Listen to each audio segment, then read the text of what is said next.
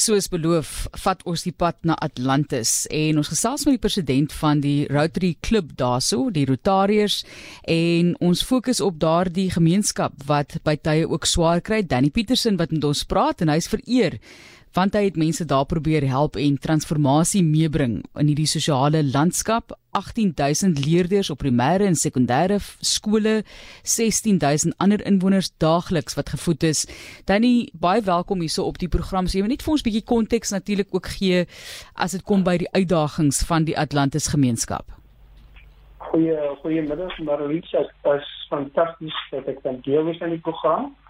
Ehm um, ons het geweldige uitdagings in Atlantis. Atlantis is nommer 1, dit is almal van sy ehm um, 60% ehm um, unemployment ehm um, werkloosheid. Dan het ons um, ook geweldige jong mense wat in die werk het nie.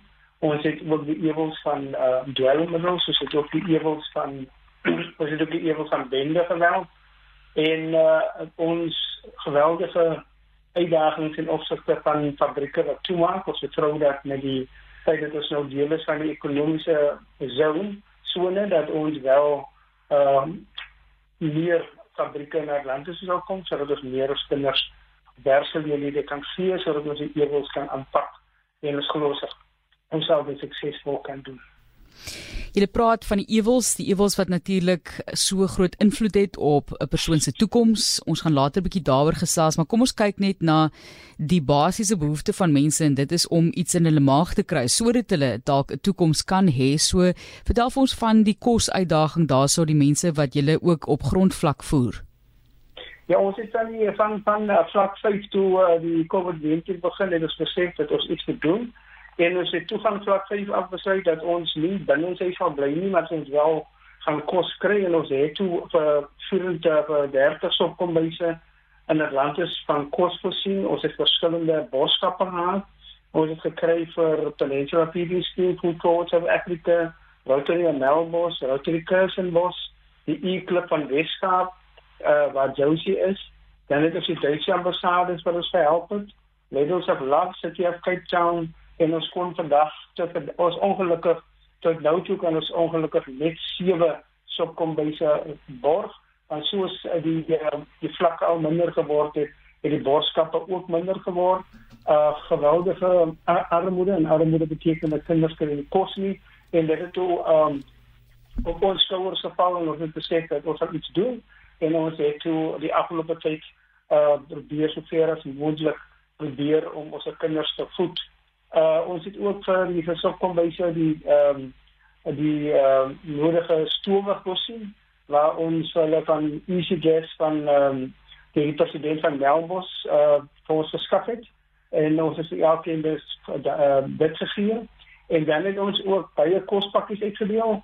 Ons het vanaf vlak 5 het ons um, oor die 4000 tussen 4000 en 5000 uh, kospakkies dus uitgedeel dat ons uh, geweldige borde gehad het wat ons gehelp het om tot en met ehm um, uh, Vrydag dit is nog kospakkies ontvang om ons mense daarvoor te kan voorsien. En ons probeer maar klop hard om seker te maak dat ons kinders ehm um, ehm um, die kinders eet kry twee dae week maar dit gaan nie so maklik as wat dit lyk as wat klink nie dat die borskappe is 'n grootse probleem en ons probeer so ver as moontlik. Heidiglik as ons uh, sewe ehm um, sopkombyse dit en drie ehm um, 300 kinders se maaltye word dan voorsien vir twee keer 'n dag. Julle kyk ook na 'n weier gemeenskap. Ek sien daarso byvoorbeeld dit ook Melkbosstrand en Mamre wat ingesluit word, maar kom ons gesels oor die feit dat dit wat julle doen raak gesien is en die werk daarso by Rotariërs, jy spesifiek is 'n inspirerende president sê hulle ook van die klub in Atlantis. So, hoe lank is julle al daar aan die gang? Maar wie sal dit glo nie, ons is nou eens 2 jaar aan die gang ons is uh, ek uh, ek is ingehuldig op die 10de Februarie 2019 en ons het ook ehm um, die uh, sommer die eerste jaar het ons 'n toekenning ontvang van af Rotary in ons distrik en uh, toe uh, ek hierdie jaar het ek die uh, Paul Harris toekenning ontvang vir die uitstekende werk wat ons doen die binne Atlantis. En ja, oor die jaar het ons twee uh, toekennings ontvang en dan is 'n jonger groepie wat ons hier ook ek noem Hulle het ook 'n toekenning ontvang vir die werk wat hulle hier tydens die COVID-19 gedoen het en ons uh, in hierdie twee jaar het ons 'n reuse verskil kom maak in die dorp. Danny, wat motiveer jou spesifiek dan ook as president van die Rotariërs in daardie streek? Geef ons net 'n idee van wat dryf jou elke dag om hierdie magtom behoefte in die gesig te staar nog steeds iets te probeer doen daaromtrent. Uh, maar as ek as student ek was uh, 35 jaar in skool, ek het skool gehou. Ek was 24 jaar prinsipaal van 'n laerskool. Daar het ek armoede gesien en ek het myself gesê as ek dag klaar is met onderwys, ek het afgetree, dan sal ek probeer uh, 'n uh, verskil maak in Atlantis. Uh en uh, dit het my gemotiveer die armoede en dan ook die feit dat ons bitter graag vir kinders se lewensjare wil skep om 'n sukses aan hulle lewe te maak. Dit is 'n die die die, passie wat ek het, is om 'n kind te sien.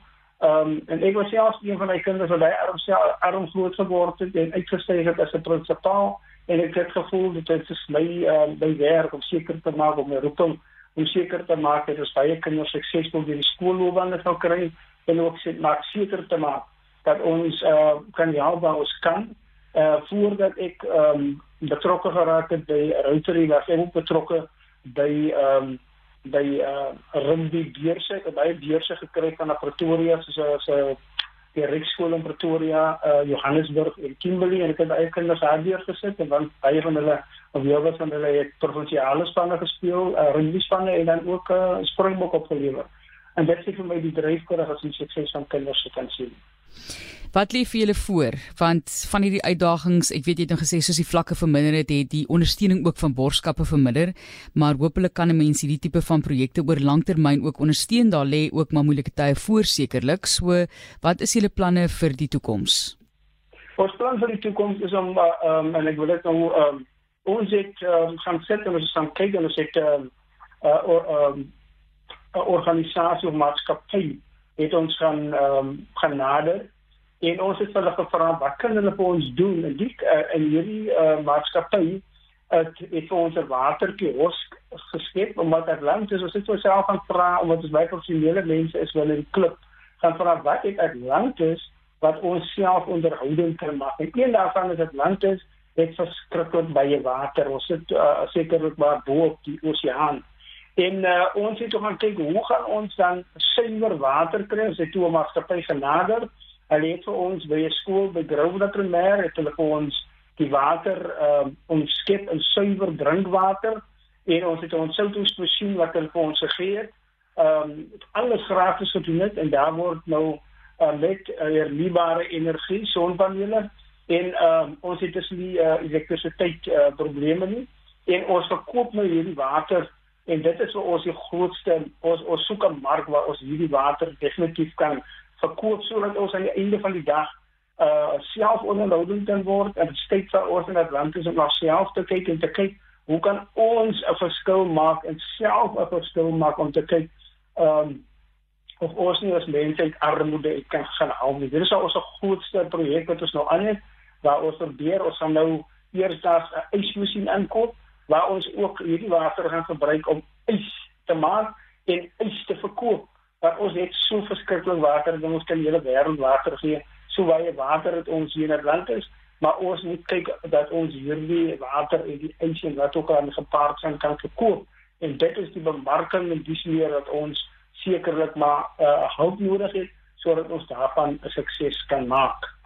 Ons sê vir julle baie sterkte vir daardie pogings tot sukses in die toekoms. Het nou reeds daardie sukses bereik tot 'n mate natuurlik. Daar's so baie werk nog altyd weer om te doen en julle word ook deur verskillende mense ondersteun. Ek sien die Goedgedagtrus is ook byvoorbeeld daarso betrokke. Baie baie sterkte vir die toekoms en ons sê vir julle dankie. Ons sal graag met julle wil gesels vir daai met daai tuiniers en almal wat daar betrokke is in terloops die Springbok. Wie is dit?